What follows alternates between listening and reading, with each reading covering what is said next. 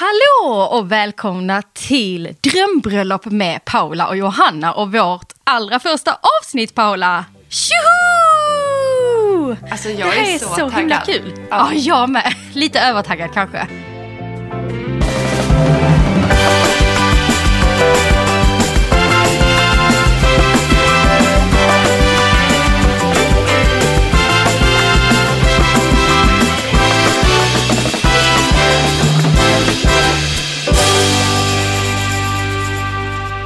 Jag eh, har ju bestämt att vi ska hosta varannan vecka. Så det här allra första avsnittet har jag fått äran att bestämma lite mer över. Så du Ja. vet ju inte riktigt vad som ska hända. Vår podd kommer att handla om hur man planerar sitt drömbröllop. Och vi kommer ju utgå jättemycket ifrån din bok som du har skrivit. Ja, det kombinerat med att du faktiskt ska gifta dig. Du får inte glömma det vet du. Precis. Precis. Men jag tänker vi gör så här. Vi börjar med att presentera vem vi är. För det Mm. är alla kanske inte känner till oss. Och då tycker jag att du ska få börja. Berätta lite. Vem är du? Vad jobbar du med? Mm. Vem är det du ska gifta dig och- med? Och när ska ni gifta er? Jag heter Paula Ribe och jag är 26 år gammal. Jag lever i Stockholm tillsammans med min sambo och nu blivande man Hugo Rosas och våra två döttrar på 4 och 2. Jag arbetar som influencer och har nu sökt även in till studier till hösten och vi kommer att gifta oss nu 2018. Tjoho! I höst. Ja! Ja, så kul! Ja. Och eh, jag heter Johanna Kajson. Jag är också influencer, eh, bloggar, instagrammar, YouTube och allt det där. Och eh, sen framförallt varför jag har fått äran att få lov att podda med dig, det är ju för att jag är bröllopskoordinator och bröllopsexpert får man väl ändå säga. Jag har jobbat Ja. med bröllop sedan 2010 och drivit mitt eget bolag Great Wedding sedan dess. Ja. Eh, Så jag ska leda er igenom denna bröllopsplanering som, eh, som superduper expert. Och jag tänkte att vi ska lägga upp det i den ordningen som jag planerar med mina brudpar. Eh, För att både du ska få bästa tips, liksom i rätt ordning, och även lyssnarna ska kunna hänga med. Och som du säger så fick jag ju faktiskt eh, en dröm att gå i uppfyllelse förra året när jag fick släppa min allra första bok. Och den heter Planera ditt drömbröllop med Johanna Kajson. Och den ligger lite till grund för liksom, hur jag ska leda dig igenom den här podden kan man väl säga. Precis. Och, det Och den har ju du hemma till och med. Jag har den hemma för att det är lite lustigt. Vår relation utöver att vi är i samma bransch är ju att det är ju Great Weddings, ditt företag som anordnar mitt bröllop kan man ju säga. Exakt, och det, det här får vi nog förklara lite för Ja. lyssnarna tänker jag. Genomgående. Väldigt rörigt.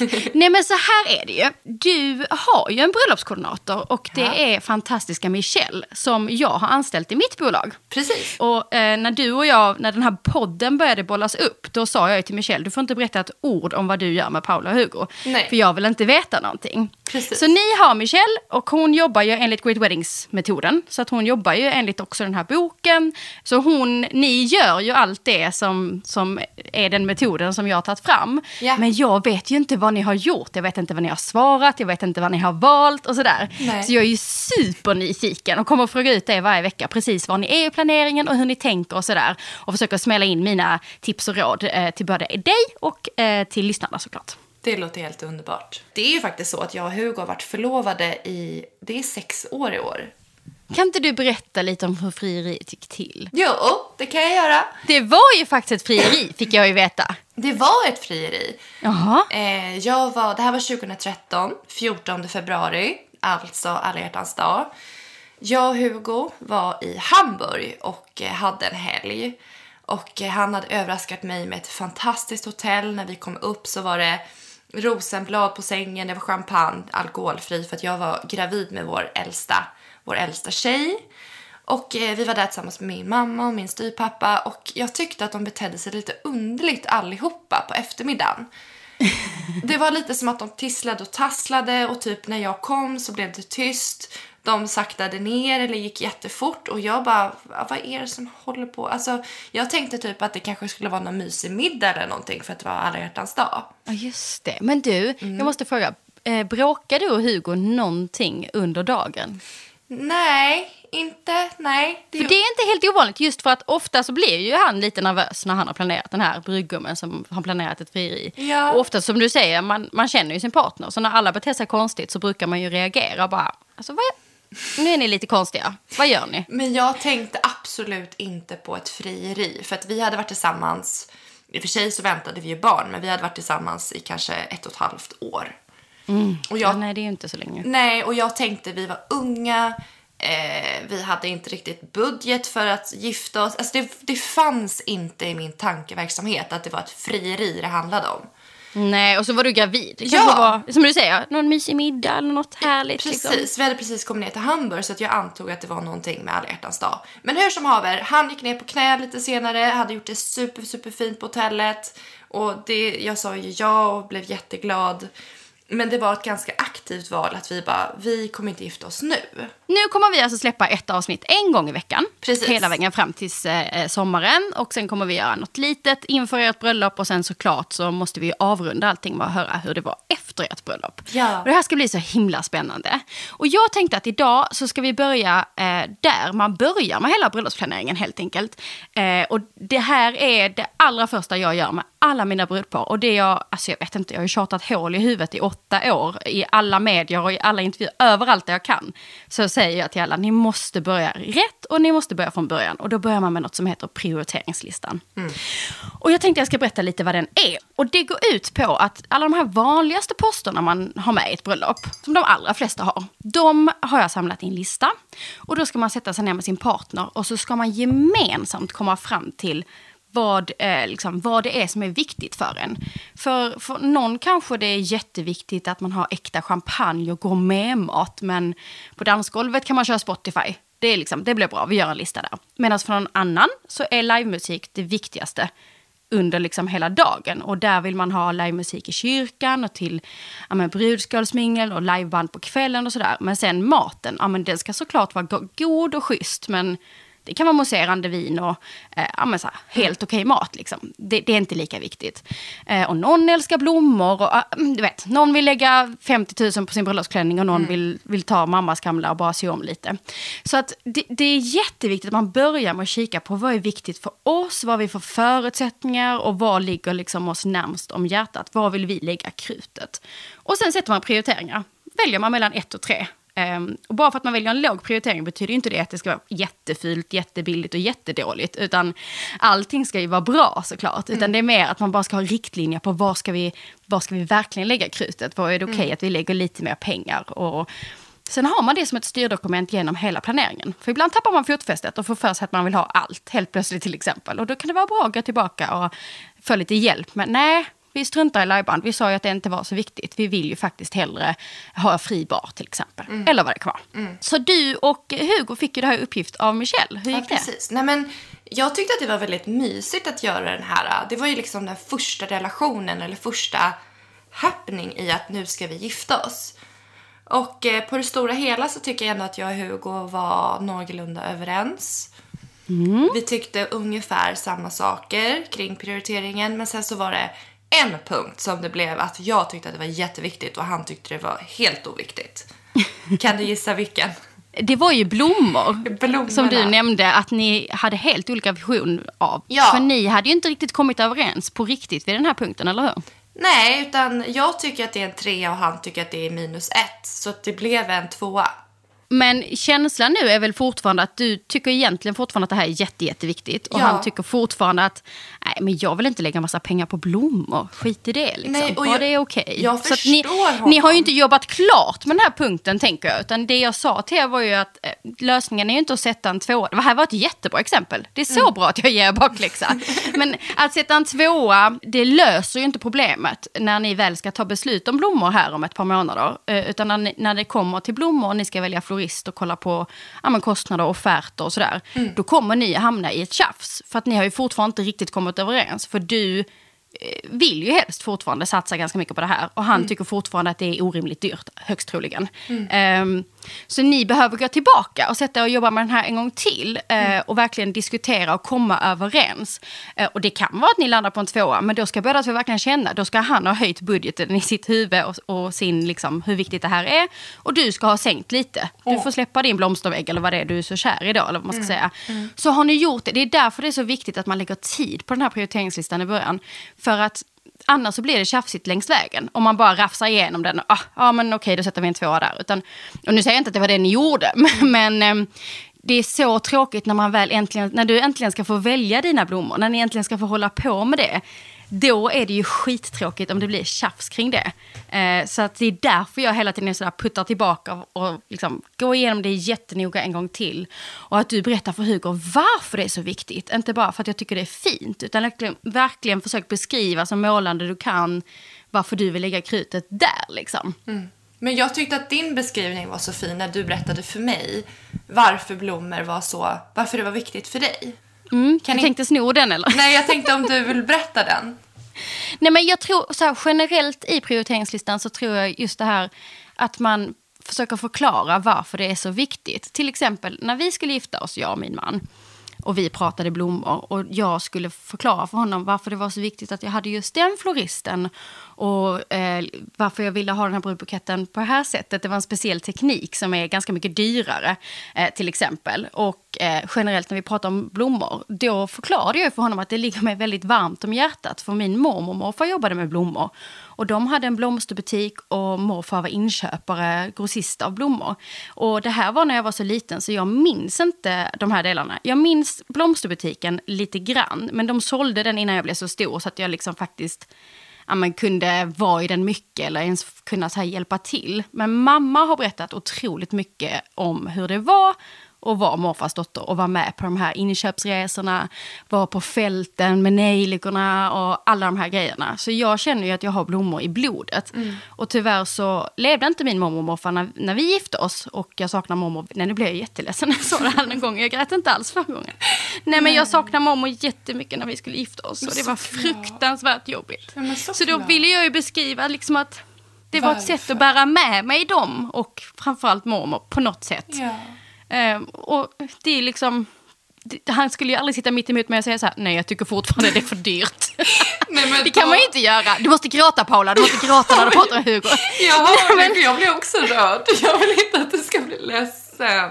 nej men det var, nej men, ja, det, det, jag tror det är därför det är så viktigt. För det är så lätt att man bara, men jag vill ha blommor. Att man, liksom, att man glömmer beskriva varför. Ja. Uh, och det gäller ju allt. Jag, berättade för dig förra gången vi poddade också. det är kul att vi refererar till det hela tiden.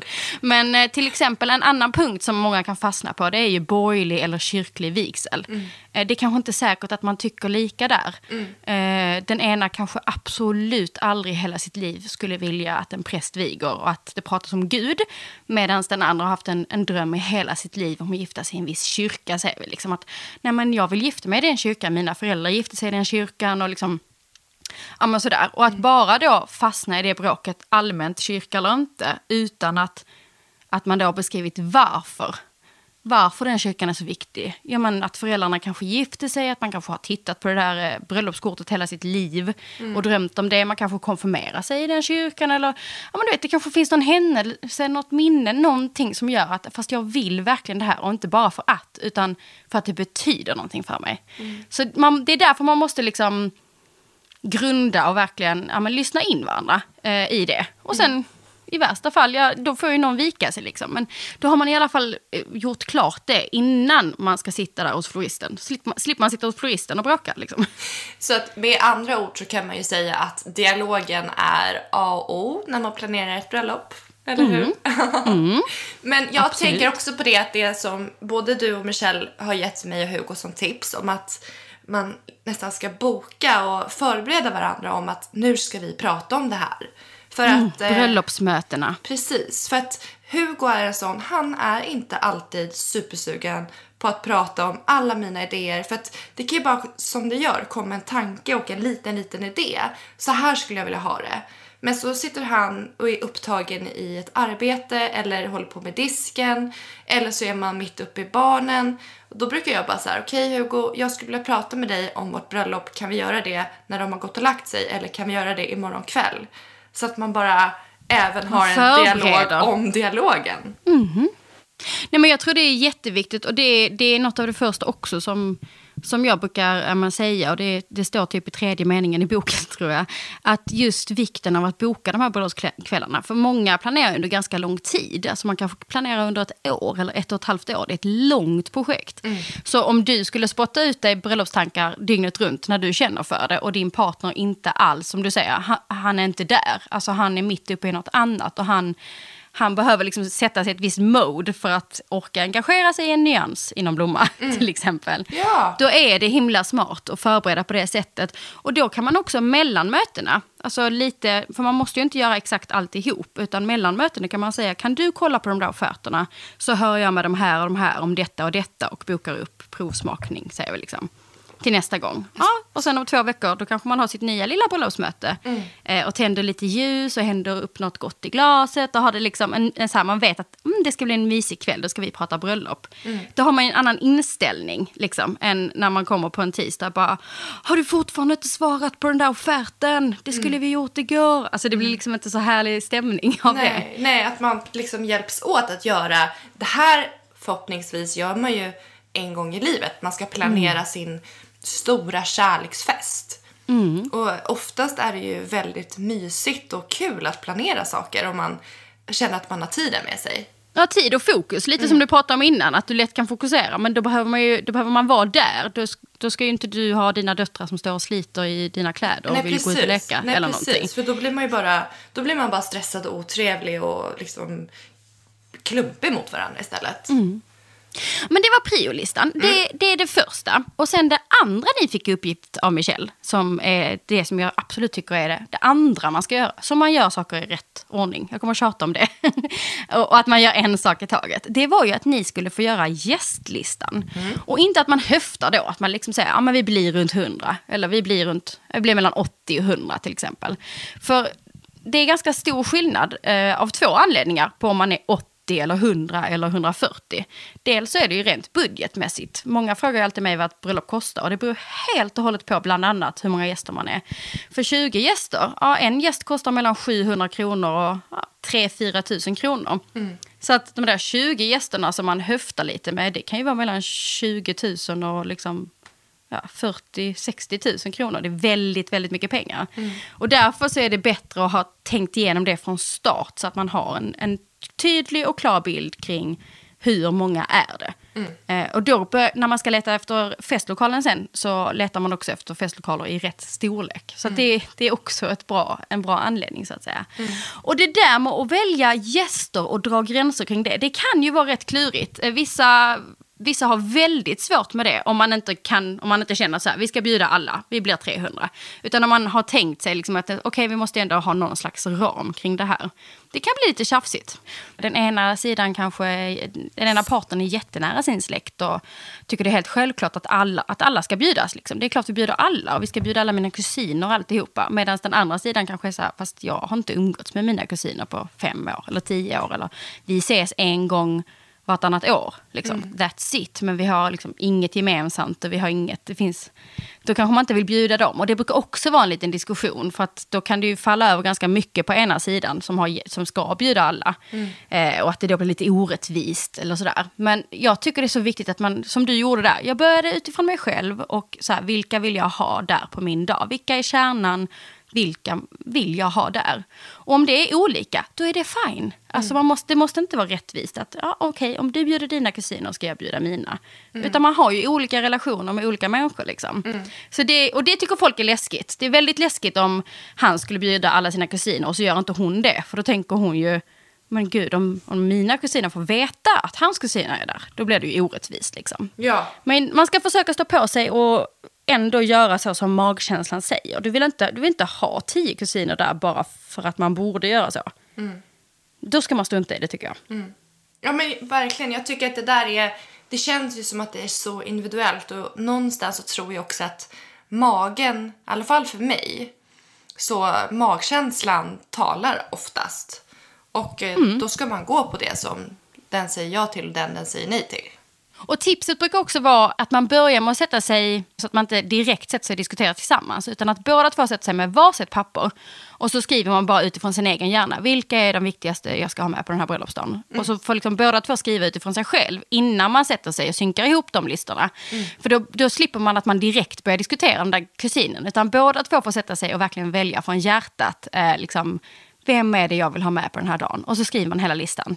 Och då har man ju också hunnit tänka och känna utifrån sig själv innan man ska börja snacka ihop sig. Och sen kanske man måste kompromissa och lite sådär. Men då, då, då har man själv tänkt igenom först vad man i alla fall skulle önska. Mm. Än att man bara sätter sig ner och skriver en lista ihop. Ja. För då blir det liksom lätt att det blir diskussion innan man själv ens har kommit på är det här ens viktigt för mig? Att den här människan ska med eller inte? Liksom. Det- Så det är också ett sånt litet supertips. Jag tyckte typ att det svåraste med, det, med själva med gästlistan var alla som, eh, man, alltså om man är barndomsvän eller på något sätt och sen har den en partner som man aldrig har träffat. Eller, Hur tänkte ni där? nej men vissa blev så här, ja men det är klart att den ska ta med sig. Men vissa är så här, nej du får komma själv för att du är vän med oss som du känner oss. Och vad vi vet just nu så dejtar du ingen. Och är det så att du dejtar någon vid tillfället så kommer vi, vi kan hänga någon annan gång. Alltså, vi, vissa gav vi tillåtelse till att ta med sig sina partners och andra som är singlar kanske just nu. Ja, Tänk- men alltså jag är helt med dig. Nu kändes det som att du ville försvara dig. Ja! Nej, alltså så här tänkte vi. Men, men det, är- det här är ju ganska kul, för i Sverige, det du, det du menar nu är ju typ, får man ha med en plus one, som man säger Exakt. i USA, eller inte? Ja. Och i Sverige så oftast gör man som ni gör nu. Att så här, är det en människa singel, då är det ju den människan som är bjuden, punkt slut. Mm. Skulle han eller hon börja dejta någon en månad innan ert bröllop, ja, då behöver ju inte den följa med. Liksom. Nej. Om det inte skulle vara något väldigt, väldigt, väldigt extremt, Ja. eh, där ni börjar umgås och, och liksom, gud, det här är ju kärleken i ditt liv. Alltså det, då kan man ju lösa det. Men generellt, om man får en inbjudan när man är singel, så generellt så, så går man själv, även om man har börjat smådejta någon, så att säga. Liksom. Ja. Eh, Medan i nästan hela resten av världen, det, det är ganska nordiskt det här med att vi inte bjuder plus en. Eh, nästan överallt annars så är det liksom med en dejt. Och du vet, du kan, du kan, du kan gå på en ny, det kan vara en dejt typ. Folk, liksom deras första eller Det är andra inget dejt. Konstigt. bara, nej, nej, det är, en, det är en typ av dejt. Att jag, ska du följa med på bröllop? Och jag är väldigt glad att vi inte har den traditionen i Sverige. För dels som du säger, så här, ska du hålla på så här, ta folk i hand när du står där efter vigseln och bara hej, hej, grattis, tack, tack.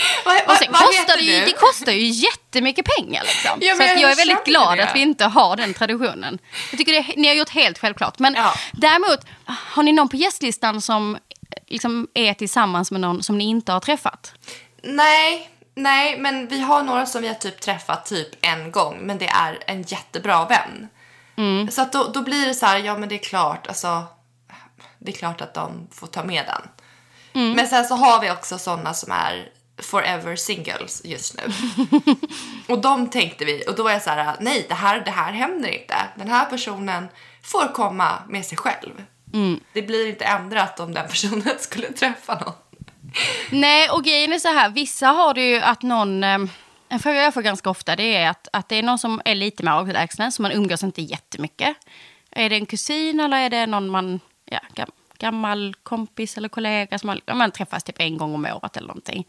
Och de har börjat dejta någon. De har varit tillsammans i ett halvår när man ska skicka ut inbjudan eller i ett år. Men, men, men man har inte träffat den, man har aldrig träffat den. Och då tycker vissa att det är lite jobbigt att jag vill inte bjuda någon jag aldrig har träffat. Men å andra sidan så måste man, där tycker jag lite att, okej men om den här människan du ska bjuda har ju varit tillsammans med en människa ett år. De kanske har flyttat ihop typ. Eh, Det är klart vad konstigt det blir för den människan. Tänk dig själv att du, att du är sambo med någon och så får du en inbjudan och så får inte din sambo komma för att de aldrig har träffats. Så det är lite olika hur man gör med gränsen där. Man får göra som man vill. Men ofta så tänker man så himla mycket utifrån sig själv så att man tycker att "Ja, men jag har inte träffat den människan så den, varför ska jag bjuda den? Men då, då glömmer man ju bort. Men tänk om, tänk om du var den. Tänk om, tänk om han ska gifta sig med henne om två år. Alltså, Ska du inte bli och så- tillbakabjuden då? För att, ja. Nej. Det här Nej. hände faktiskt mig och Rickard i början när vi dejtade. Så, eh, så var det en diskussion kring där, där jag var bjuden på bröllop och det blev en diskussion om eh, om Rickard var, var bjuden eller inte. Liksom. För att det var, hela min familj var bjuden. Så det var inte jag, liksom, det var inte en kompis och så var det jag. Utan det var, det var hela familjen och släkten med. Liksom. Eh, och då har man inte samma koll. Och det, det här är ju början när jag och Rickard dejtade, det är ju 11 år sedan. Så det är, det är väldigt länge sedan. Så jag var ju relativt ung också, eller man ska säga. Men just känslan av att jag håller på att flytta ihop med min pojkvän. Men han är inte bjuden på det här bröllopet. Det var ju lite olustigt. Såklart. Så det är säkert därför jag har eh, liksom en åsikt om det här och tänk, tycker man ska tänka ett varv till om någon faktiskt är tillsammans med någon på riktigt. Ja. Men Som Men du säger, om forever single, personen- dejta runt. Ja, Nej, men just Nej jag nu man är då. Ja, just nu är de ju singlar och inbjudan har gått ut. Mm. Och bröllopet är inom några månader. Så Ja, du har gjort helt rätt. om man Jag stöttar dig. Ja, så om man inte har en obefintlig relation just nu och sen så skulle det kanske mot förmodan ändras, ja då får man väl bara ta ett beslut kring det då, om man då hinner ses eller om det liksom blir någon typ av relation eller att de faktiskt är seriösa. Absolut. Men jag har ingen lust att det är så här, kom, följ med på vår tredje dejt, jag ska Nej. på bröllop. Nej. Då känner jag så här, nej men det får ni göra sen. Nej, jag håller med. Jag håller helt med. Mm. Men du, det var lite veckans bröllopsstatus på dig och Hugo. Mm. Och lite vad ni har fått göra hittills. Priolista och budget. Det, Mm. det är liksom där man ska börja när man börjar planera. Och nu ska vi gå vidare i ett moment i podden som heter veckans fråga.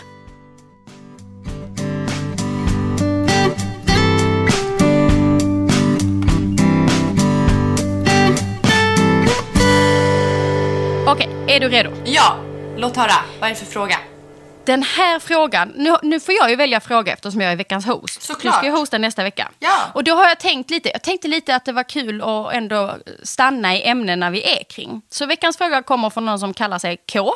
Hej K, säger vi då. Och då står det så här. Åh vad jag längtar efter att lyssna. Jag skulle gärna vilja höra i vilken ände man börjar planera sitt bröllop och vad som är det viktigaste att lägga pengarna på. Till exempel om det är blommorna eller är det maten. Kram. Och då tänkte jag, jag testar dig nu Paula. Vad tror du man ska svara på den här frågan? Utgå från dig själv. Bra! Så duktig elev! Det är kanske jag som ska bli din nästa sån här... Eh, Bröllopskoordinator? Ja. Nej, du ska fokusera på att gifta dig, herregud. Men Ja. det är helt rätt. Eh, Det här är en ganska vanlig fråga. Att Just, man, vad, vad ska man lägga mest pengar på och vad kostar saker? Och vi ska prata om vad saker kostar och budget och sånt. Det kommer vi prata om eh, i nästa eller näst, nästa avsnitt. Men generellt, om man ska lägga pengarna på blommorna eller maten, då är ju svaret verkligen, det beror på. Det beror helt och hållet på vem ni är och vad ni vill lägga pengarna på. Så de behöver ju också få en bakläxa där de ska faktiskt börja från början och sätta sig eh, med prioriteringslistan och klura på vad är det som är viktigt för oss. Liksom. För att det, alltså det, kan, det kan slå på så otroligt mycket pengar. Alltså blommor, du kan ju, gifter dig i juni, då har vi alla våra ängsblommor till exempel. Då kan du gå ut och plocka blommor helt gratis. Jag gjorde ett bröllop som var på våren, eh, precis i april. Och då plockade vi ja, men bara kvistar som precis, du vet när björken precis har börjat få små gröna blad. Allting ska precis börja blomma ut. Plockade vi massa sådana och sen så la vi mossa i mitten av, det var långa bord. Bara byggde upp en liten miniskog i mitten av bordet med mossa, de här liksom ny, ny, ny grönskande kvistarna och så lite, lite vitsippor som vi satt i små det, vaser. låter helt, det låter fantastiskt vackert. Helt gratis. Helt gratis. Så de kunde jag ha noll kronor i den budgeten. Så det är därför det är så himla viktigt att man funderar på, på just prioriteringen från början. Och också balansera upp hur mycket man kan tänka sig att göra själv såklart. För det, det är klurigt att sätta noll kronor i blomsterbudget. Men, men jag kan ingenting om blommor och jag tänker inte lägga tid på att gå ut och plocka och liksom dekorera i fyra timmar dagen innan. För den tiden tar det. Liksom. Så man måste ju bolla, liksom, det handlar inte bara om pengarna när man prioriterar. Utan det handlar ju om, om tid och engagemang och vad man kan eller vad man har för kunskap och, runt omkring sig som man kan ta hjälp av. Så svaret är ju verkligen så himla simpelt som att de ska börja med prioriteringslistan och så ska de klura på var de vill lägga mest pengar. Precis, att man utgår från sig själv. Men jag tänkte att jag bara skulle vilja slå ett slag för vår Facebookgrupp som vi har skapat. Ja! Eh, och den heter Drömbröllop med Paolo och Johanna. Och eh, vi skulle jättegärna vilja att ni blir medlemmar där. För att alltid när vi utgår från veckans fråga så är det där vi kommer att fiska. Och är det Yes. så att ni vill ha dialog med varandra eller söker tips som du och jag kanske inte har gett så kanske ni tillsammans vill hjälpa varandra. Om det är blivande brudar eller till och med en brud som har gift sig som känner att hon inte är klar med det här mysiga som har med bröllop att göra. Då finns vi där och allting vi pratar om, alla tips, det vi tittar på, vi hänvisar mycket dit. Verkligen. att, eh, och det brukar vara super det. för tärnor eller toastmasters också att hänga där. Mm. Och även jag ska försöka svara så mycket jag kan med min expertis. Eh, Såklart. så passa på. Där finns ju jättemycket olika bröllopsgrupper på Facebook. Det är bara ett allmänt tips Mm. att söka på det. För där finns otroligt mycket engagemang eh, mellan, mellan brudar och brudpar som faktiskt hjälps åt och tipsar om att Åh, men vi gjorde så här, vi kan göra så här. Var har ni hittat billiga rislampor? Allt vad det kan vara. Ja. Så vi hoppas ju att ni som lyssnar, såklart som du säger, faktiskt ska, ska hjälpa varandra och ha en egen dialog. Men sen kommer vi också hänga där såklart och pizza in eh, dels eh, bilder, filmer, inspiration och sen hela tiden fråga efter frågor. Och ni har möjlighet att ställa de här frågorna i veckans fråga. Ibland lyfter vi en fråga, ibland lyfter vi flera. Ja. Så det är lite vad ni, eh, vad ni vill helt enkelt.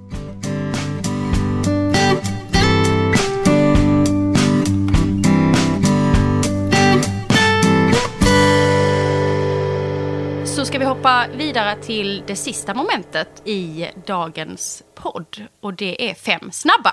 Paula, Fem berätta. Det här hade ju snabba. du som idé. Nej, men det här får faktiskt följa med ifrån min och Hugos podd. Vi brukade alltid avsluta med att man frågar fem snabba frågor och det kan ju vara, det kan, det kan handla om precis allting. Det kan vara snälla frågor, det kan vara ganska svettiga frågor, lite roligare frågor. Och eh, jag tänker att nu ska vi lära känna varandra så jag antar att de kommer vara ganska snälla i början och sen med tiden bara bli grövre och grövre och grövre och grövre och grövre.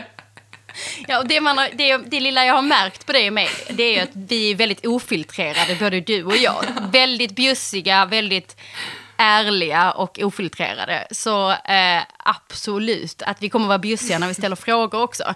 Och eftersom jag är veckans host så får jag ställa frågor till dig den här veckan. Åh, så spännande.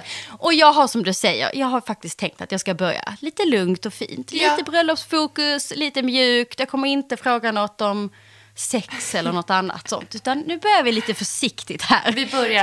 Eh, Men man får ju se. Det kan ju vara så att lyssnarna börjar tipsa dig och mig om vad vi ska ställa för frågor till varandra Ja. att sätta dit den andra. Ja. Det vore lite kul. Ja, så om ni har tips på fem snabba, om det är någonting ni vill veta om mig eller Johanna, skicka det också i, bröllops, i bröllopsgruppen. Gud vad kul. Det känns som att jag är mer pryd än dig spontant. Så jag kommer ha mycket mer ont i magen när vi ska göra det här. Men jag, Men har, nu- ju, nu- jag har ju värmt upp. Alltså Hugo, alltså, han ställde han ställde så sjuka frågor. Vet du, vad, vet, Ja, men- vet du vad han sa en gång? Nej. Vem älskar du mest, Molly eller Leonor? Nej, lägg av! Han har, Vad svarade du? nej, men, all, alla mina svar var ju eh, ingen kommentar eller fortsätt. För att jag vägrade ju svara på hans frågor för att de var så brutala. Okej, men vi bestämmer att vi, man måste svara. Ja, det måste vara. I vår podd måste man svara. Ja, men jag tror... Det är ju ganska kul. Du väntar bara. Vi får se hur många veckor det tar innan jag frågar dig exakt samma fråga. Måste du svara? Ja, Gud vad kul. Du, nu kör vi igång. Veckans fem snabba. ja. Nummer ett. Vad kostade din förlovningsring? Jag vet inte, men eh, det var en, eller den är, det var, att prata om den som att den inte finns. Det, den är vitt guld med en liten diamant. Som jag inte har Okej. på mig för tillfället. Är det lite sjukt eller? Va? Paula? Men vänta nu, stopp. Man måste faktiskt ha på sig sin förlovningsring. Jag vet, men när vi var på Maldiverna så tänkte jag att jag skulle tappa den när jag badade. Så jag satte den på mitt halsband. Och sen när vi kom hem från Maldiverna så skulle jag göra någonting så jag skulle byta halsband. Och eh, ja, sen dess har jag inte Vadå, du har inte ens på dig den i, runt halsen utan den ligger någonstans? Ja, den ligger i badrummet. Nej! Nej! Okej, då tycker jag du ska... Nej men fy! Du får ha i mission och sätta på dig din förlovningsring och sen får du ta en bild på den och lägga upp den i Facebookgruppen så vi får se hur den ser ut. Som bevis. Okej, det är... Som, be- precis, det här är dels som bevis för att du just nu, du kan inte hålla på och gå omkring och vara oförlovad, det går inte för sig. Nej. Och sen så vill vi ju se den ringen när vi ska hjälpa dig att välja eh, din vigselring sen som du ska sätta till. Ja men faktiskt, man måste tänka på hur man ska kunna matcha den. Jag har det som bakläxa och sätter på mig den tills på tisdag. Mm. Vi vill se en bild i Facebookgruppen. Mycket bra. Okej, fråga nummer två. Har du varit tärna på bröllop någon gång? Nej, jag har eh, varit på två bröllop i mitt vuxna liv som inte är familj. Har du bara varit på två bröllop? Ja, alltså vi... Men gud. Och det var första kompisbröllopet var förra året. Så att eh, vi, är lite, vi är lite först ut. Eh, så jag tänker att det kommer komma fler med åren. Hoppas jag. Ni, ni ska sätta liksom standarden för alla era kompisar. Lite så kan man väl säga. Så här kör vi. Men gud vad kul. Okej, så då, då, då kanske det inte är helt självklart för dig heller vad, så här, vad du tänker att dina tärnor ska ha för uppgift eller vad du önskar av dem eller sådär. Nej, men jag har ju pratat med folk som har gift sig och eh, jag har ett ganska bra hum ändå om det. Men jag tänker att vi måste prata lite om det du och jag också. När det, handlar om, det. Ja, när, det hand, när det handlar om tärnor och uppgifter. Vad en tärna gör. Ja. Mer står ser fin ut. Och hur kan man, vad kan man begära av en tärna? Ja. Och måste de ha exakt likadana klänningar? Det kommer i ett avsnitt längre fram. Ja. Okej, nästa fråga. Vem kommer vara mest nervös på bröllopsdagens förmiddag? Du eller Hugo? Jag, jag är lite mer så här, jag är lite cool. Jag är ganska iskall. Jag, jag kan, jag är nog ganska bra på att dölja att jag är nervös. Medans eh, när Hugo är nervös så är det så tydligt. Alltså jag bara ser hur han går runt i cirklar, hur han kliar sig i håret, hur han liksom ser så fundersam ut och alltid med en glipa i munnen. Han har alltid öppen mun när han funderar så att man liksom ser eh, hans lilla glugg mellan framtänderna. Och jag vet att han liksom kommer kolla ändlösa gånger på sin telefon, kolla om Instagram, liksom inte riktigt veta vad han ska göra. Och så vet jag att han kommer typ gå på muggen fem gånger innan, innan klockan har slagit nio för att han är så nervös och behöver så här nervös bajsa. Men alltså det är så gulligt hur du beskriver honom med att han alltid har öppen mun. För det, det, det är sådana små detaljer som man bara vet om man har varit tillsammans jättelänge. Och det är, det är sånt som är väldigt kärleksfullt. Att man liksom vet exakt hur ens partner ser ut när de, ja, men de funderar. Eller de, ja, men, ja, det är så gulligt. Ja. Gud vad kul. Ja. Okej, nästa fråga. Kommer ni gå ut i sociala medier innan och berätta vilket datum ni ska gifta er? Eller kommer ni hålla det hemligt till efteråt? Eh, jag tror att vi... Vi har inte pratat om det men det känns som att det är ganska skönt att inte säga datumet. Utan vi kallar det i höst helt enkelt. Ja, i höst. För nu. Om jag ändrar mig så säger jag till. Då får vi veta datum helt enkelt. Ja, men det känns så lustigt att... Det känns så lustigt om man skulle säga det, tänker jag. Men annars blir det så här... Men ni har ju väldigt många följare, vi ska ju säga det. Mm. Ehm, både du och Hugo bloggar ju och har otroligt många följare. Så på något sätt så är det ju inte bara ett par stycken som vet, utan helt plötsligt så vet alla och exakt var och när och hur. Och Exakt. man, vigseln till exempel vill man kanske hålla lite privat. Ja men verkligen. Och sen också dels för mig själv för att skulle jag säga det då vet jag då vet jag kanske att folk liksom så förväntar sig en uppdatering och jag kanske känner att jag inte har tid för att jag vill ju Nej! vara alltså Du ska inte blogga på din bröllopsdag. Nej men det är det Hallå. jag menar. Alltså jag, det, det är så intimt att det, jag, måste få vara, jag måste få uppleva det själv innan jag kan förmedla det. Så att, Okej, jag har en följdfråga. Det här Ja. Mm. är inte femte frågan, men jag har en följdfråga. Bloggade du när du var gravid? Ja. De, de här gång, okej, båda gångerna så hade du en blogg Ja. liksom, när du var gravid. ja.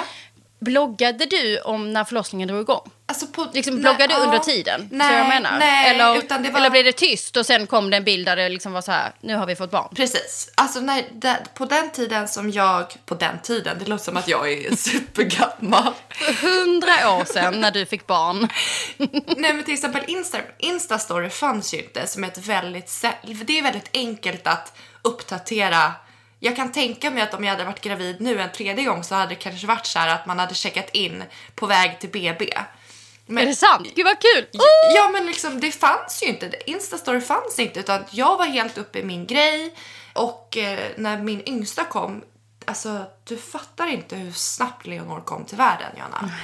Nej, jag vet inte. Nej alltså Gud, klockan spännande. halv ett vaknade jag upp med verkar hemma i sängen. På natten? Ja. Och eh, tio fyra kom hon. Nej, är det här med det första barnet? Nej mitt, eller andra? mitt andra barn. Med ditt andra. Okej, hur, hur gick första? Nu, nu, okej, nu får vi ha faktiskt bara lite förlossningssnack här. Jag blev så nyfiken. Okej, hur snabbt gick första barnet då?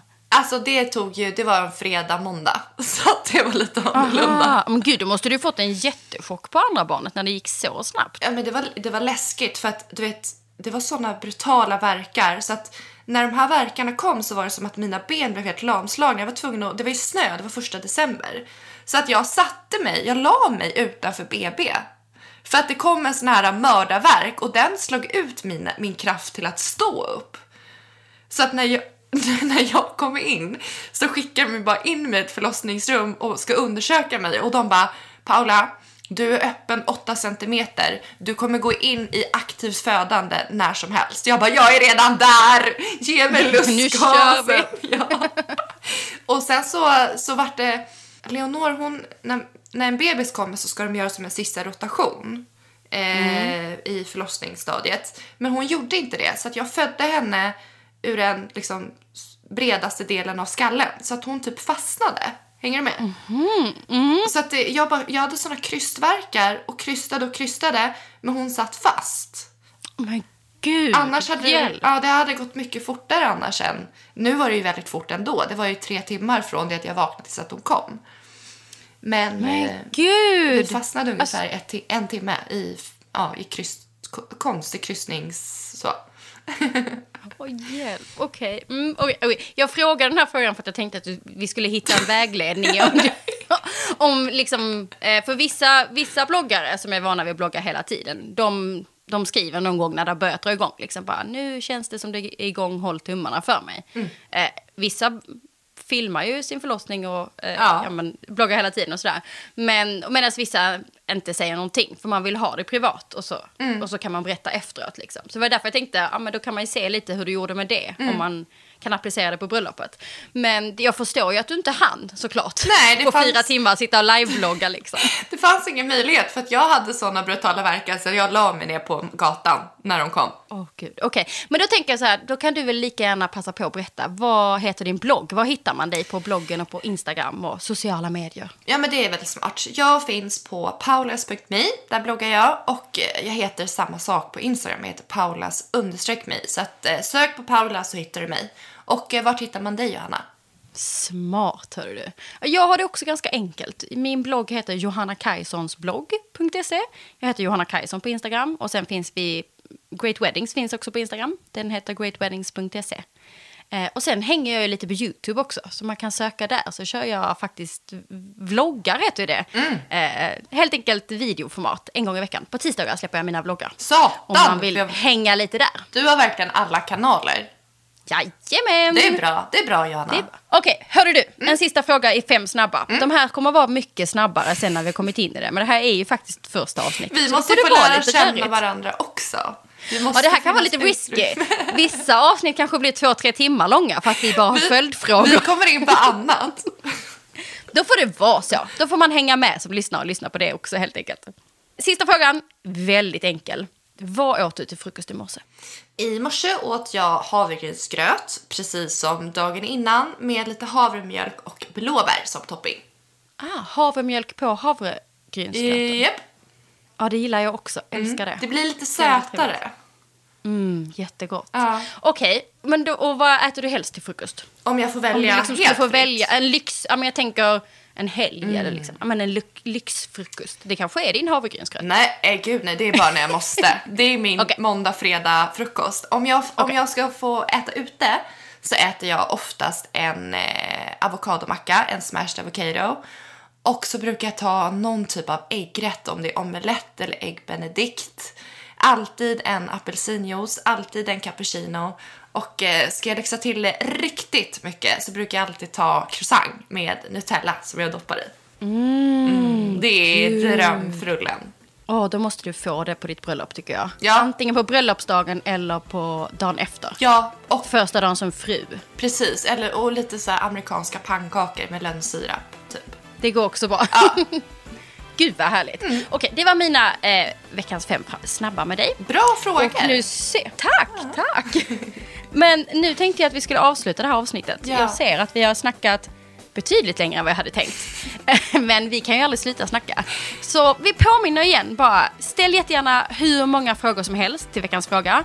Om allt om bröllop. Och det kan ni göra i Facebookgruppen som heter Drömbröllop med Paula och Johanna. Och så kan ni följa oss på Instagram såklart och våra bloggar. Och så hörs vi ju nästa vecka igen. Ja, och vi skulle bli jätteglada ifall ni skulle vilja prenumerera på våran podd, kommentera på våran podd och eh, även där dela med er av ris och ros vad ni tycker och vad ni skulle vilja ha förändrat. Och eh, podden kommer att släppas på tisdagar 05.30 och eh, finns där poddar finns helt enkelt. Exakt så. Finns där poddar finns. Ja. Och nu, nu är vi igång Paula. Gud vad kul! Nej, jag är faktiskt jätteglad och jag ser så mycket fram emot att få göra den här resan med dig och helt enkelt, vi får väl säga att vi hörs nästa gång egentligen. Vi hörs nästa vecka. Det gör vi! Puss puss! Hejdå!